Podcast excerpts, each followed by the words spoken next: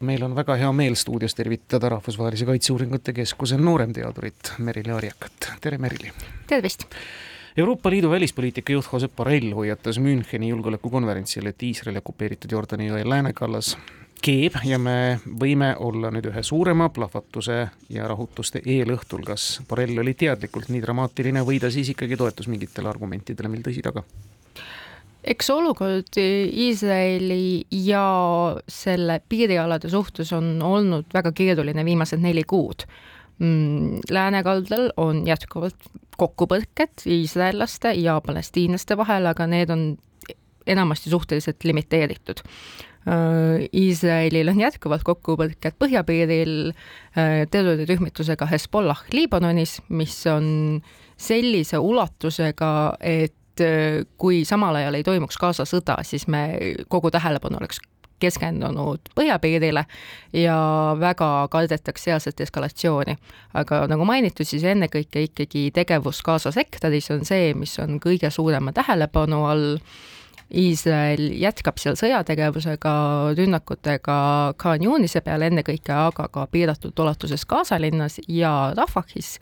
ning situatsioon on natukene selles mõttes halb sõna, aga muutunud rutiinseks. ehk siis eh, lahingutegevus, teatavad hukkunud igapäevaselt,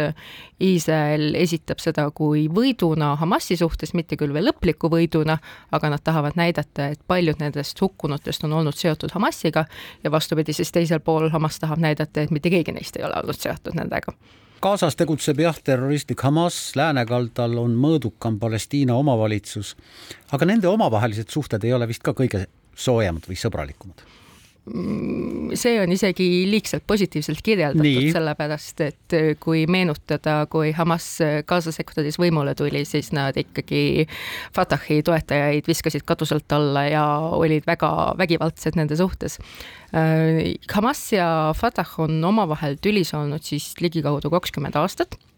ja see on takistanud ka palestiinlastel sellist oma esinduse saavutamist, sellepärast et Iisraeli vaatest on olnud väga lihtne öelda, et meil ei ole kellegagi läbirääkimisi pidada, sellepärast et Palestiina omavalitsus on nõrk ja korrumpeerunud ning Hamas on radikaalne terroriorganisatsioon, mis ei tunnusta Iisraeli iseseisvust. Mm.. see ongi paraku tõsi, jah no Benjamin Netanyahu on saanud muidugi hiilgava võimaluse öelda, et mingi kahe riigi lahendus, millest me siin nüüd räägime, ta on seda jubedalt kritiseerinud, Antony Blinkenile otse vastu öelnud, et see oleks nagu noh, auhinnaks neile, kes kavandasid siis seitsmenda oktoobri veresauna. no kuidas nüüd on, kas noh, ilmselgelt äh, Bibist ilmselt uut kuningas Saalomoni siit ei saa, aga kuidas tollega on, kas ta nüüd kavatseb nii-öelda lõtkud ja sidemed ära lõikuda kõigiga, kes vähegi nagu mingit rahumeelsemat varianti või mingi jutuga üldse tulevad juurde? Netanyahu on viimaste aastate jooksul mitte isegi niivõrd radikaliseerunud, aga ta on oma võimu kinnistanud ja ta peab aina rohkem toetuma väga radikaalsetele jõududele, ehk siis ennekõike Iisraeli madurahvuslikud asunikud läänekaldal, kes näevad, et Iisrael peab tingimata oma võimu kehtestama kogu ajaloolise Palestiina mandaatterritooriumi üle, sellepärast et see on neile piiblist antud maa. Mooses nad sinna viis Netanyahu enda hirmuks on tema ajalooline pärand ja tema positsioon Iisraeli peaministrina, sellepärast et Äh, väga suur osa rahvast ikkagi praegu väga tugevalt Netanyahut kritiseerib, sellepärast et nad näevad, et selline rünnak, mis seitsmendal oktoobril Hamas läbi viis, et see ikkagi toimus äh, tema pärast väga pikka aega Netanyahu valitsusperioodi. et ja nad süüdistavad, et Netanyahu ei ole võimeline välja mõtlema sellist poliitilist lahendust, mis pantvangid koju tooks, mis äh, suudaks Hamasi probleemi Gazas lahendada, mis suudaks paika panna mingisugused normaalsed suhted palestiinlastega, aga ega see ei ole ainult Netanyahu probleem, et Iisraelil ei ole tegelikult kunagi olnud head lahendust äh, palestiinlaste küsimusele, sellepärast et see kahe riigi lahendus, mida rahvusvaheline avalikkus on neile kogu aeg soovitanud, nad ei näe, et see oleks, äh, et selle poliitiline kasu kaaluks üles julgeolekulised riskid, mis selline tugev palestiinlaste riik nende külje all võiks neile pakkuda no USA juhtkond võtab asja tõsiselt, Ameerika president helistab juba teatud sagedusega Iisraeli peaministrile, Ühendriikide välisminister kohtub regulaarselt mõnede Araabia maade ja ka Iisraeli juhtidega. Äh, kas ma olen õigesti aru saanud, et Ameerika Ühendriigid on eelkõige selle sõja edasise kulgemise pärast mures tsiviilisikute pärast, just nimelt tsiviilisikute pärast seal Gaza poole peal? Seda kindlasti nad kardavad, et eh, tsiviilisikud saavad veel rohkem kannatada. Mm, ameeriklased mõtlevad ka sellele, et millise löögi see annab näiteks USA enda mainele regioonis, mis on kogu aeg olnud suhteliselt halb, ehkki Araabia riikide valitsused tahavad ameeriklastega koostööd teha, aga ameeriklasi nähakse kui sellist Iisraeli poputajat eh, ja seda jõudu, mis paljuski lubab Iisraelil oma sellist eh, vägivaldset pealesurumispoliitikat jätkata, noh, see on siis selline ameeriklaste kriitiline mentaliteet. Mm, samas kardab USA seda, et see konflikt võib eskaleeruda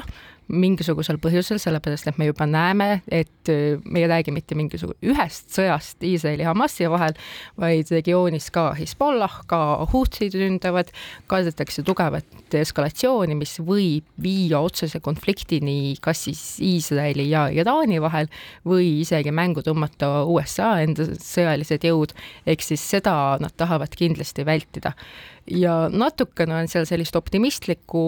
mentaliteeti, et võib-olla nüüd, kui Hamas on täielikult noh, kaardid segi löönud, et selle status quo, mis kuni oktoobrini kehtis, et seda lihtsalt noh, seda ei ole võimalik enam jätkata. et ameeriklased loodavad, et äkki nad suudavad selles olukorras viia, noh, jõuda mingisuguse sellise suure poliitilise lahenduseni, mis äh, toob kaasa kahe riigi lahenduse Iisraeli ja Palestiina vahel, toob kaasa näiteks suhete normaliseerimise Iisraeli ja Saudi Araabia vahel, ehk siis äh, pakub Iisraelile nii tugevaid julgeolekugarantiisid, et nad on valmis palestiinlastega mingisugust konstruktiivset kokkulepet jõudma. samas Iisraeli vaatest ei tundu, et sealsed erinevatel poliitikutel oleks hetkel usku, et Hamasiga oleks selline, noh, Hamasiga ei taha nad niikuinii mingisugust kokkulepet sõlmida ja nad ei taha teha seda ka Palestiina omavalitsusega, sest arva-, mõlemal juhul nad arvavad, et palestiinlased, noh, et see, mis isegi läbirääkimiste lõpus kokku lepitakse, see ei jääks kehtima palju pole räägitud, aeg-ajalt on, aga võib-olla mitte piisava tõsidusega sellest, milline humanitaarkatastroof tegelikult Gazas võib valitseda, milline võib veel edasi valitseda, kui nüüd läheb täide see, mida Iisrael on ähvardanud Ramadani alguseks, see on kümnes märts sel aastal. Egiptuse Gaza sektori piiril asuvasse Rafah linna siseneda vägedega, seal on siis ähm, poolteist miljonit palestiinlast ja seda muidugi tingimusel, juhul kui Hamas ei vabasta tsiviilohvritest või noh, pantvange laiemalt võttes. mis siis nüüd peaks saama, kui see juhtub ja kui sealsed tsiviilelanikud, poolteist miljonit inimest rohkem kui Eestis on rahvast, äh, peavad linnast lahkuma, on neil kuhu minna? Egiptus küll rajab kiirkorras mingisuguseid laagreid, aga ilmselt mitte piisavale hulgale, poolteist miljonit on ikka väga palju. see olukord on väga keeruline. Iisrael tahab neid suunata väga väikesele territooriumile Gaza sektori sees, mida on võrreldud, et suuruselt sama suur nagu Ben Gurioni rahvusvaheline lennuväli Iisraelis. et pole kujut-, kujutleldamatu, kuidas miljonid inimesed võiksid väga väikesel territooriumil, kus puudub igasugune infrastruktuur, lihtsalt seista, sellepärast et tõenäoliselt pikaliheitmiseks sealt väga palju ruumi ei ole. see on siis küll selline stsenaarium, kui kõik äh, Rafahis elavad inimesed või sinna koondunud põgenikud äh, sealt lahkuvad, samas me teame juba eelmistest evakuatsioonikampaaniatest, et ega tegelikult ju kõik seda ei tee, mis on omaette probleemiks, sellepärast et Iisraeli sõjaväe vaatest kõik linna ehk siis Gazasse Khan Yunisesse jäänud inimesed osalevad sõjategevuses ja on selles mõttes mõnes kontekstis legitiimsed sihtmärgid kas nad võiksid hakata survestama, et minna üle piiri Egiptusesse? tõenäoliselt jah, Egiptus ei taha neid vastu võtta, sellepärast et nad kardavad, et sellisel juhul nad näitaksid ennast kui järjekordse palestiinlaste väljaajamise kaasaaitajatena? Merili, on sul mingisugune teadmine, kas äh, need juudid, kes oktoobris äh, Gaza piiri äärest oma, oma elukohtadest pidid taanduma või põgenema, on hakanud tagasi pöörduma ja kas läänekaldal endiselt need üksikud juudi asundused seal Araabia maailma keskel püsivad? Läänekalda asundused püsivad väga hästi, sellepärast et neil on olnud tõsi, väga tugev sõjaline kaitse kogu aeg ja see sõjaline kaitse ei ole sealt ära kadunud. teataval määral tahab Iisrael tegelikult jah, et need inimesed, kes on nii põhjast kui ka Gaza sektori äärest evakueeritud, et pöörduksid oma kodudesse tagasi, aga samas see ei, ei ole veel piisavalt turvaline. et on olnud isegi etteheiteid nende inimeste seas, et valitsus ütleb mulle, et ma peaksin koju tagasi minema, eriti mis puudutab näiteks põhjapiiri, aga jätkuvalt Hezbollah saadab oma rakette, et kuidas ma siis seda teha saaksin. mis on meil teada, kui palju võiks olla pantvange veel jätkuvalt Hamasi käes? Ametlikel andmetel nendest inimestest, kes seitsmendal oktoobril pantvangi võetud umbes sada kolmkümmend, neist on jätkuvalt äh, Gaza sektoris, aga üle kolmekümne neist on praeguseks juba surnud ja see on see, mis Iisrael hindab, sellepärast et ja mis on tõenäoliselt konservatiivne hinnang, sellepärast et nad ei taha inimest surnuks kuulutada enne, kui neil on väga head tõendid, et see niimoodi ka on jah, selles sõjas Iisraeliga on hukkunud üle kolmekümne tuhande inimese, täpset arvu vist ei tea keegi, aga hiljuti teatas Rahvusvaheline Ajakirjanduste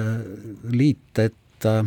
eelmisel aastal hukkus oma tööd tehes maailmas üheksakümmend üheksa ajakirjanikku. seitsekümmend kaks, seitsekümmend kaks neist Iisraeli ja Hamasi sõda, sõjas. see on siis sõda, kus sinisele kiivrile kirjutatud lühend press selle kandjat ei aita see on kriitika, mida rahvusvaheline avalikkus on Iisraeli suhtes väga tugevalt esitanud, et nad, nende tegevuses hukkuvad ajakirjanikud nii Gaza sektoris kui ka Liibanonis. nii paraku on, meil on võimalus ja me oleme tänulikud selle võimaluse eest nendest samadest sündmustest küll murelikult rääkida siin turvalises Tallinnas. aitäh tulemast, Kaitseuuringute Keskuse nooremteadur Merili Järjekas! aitäh!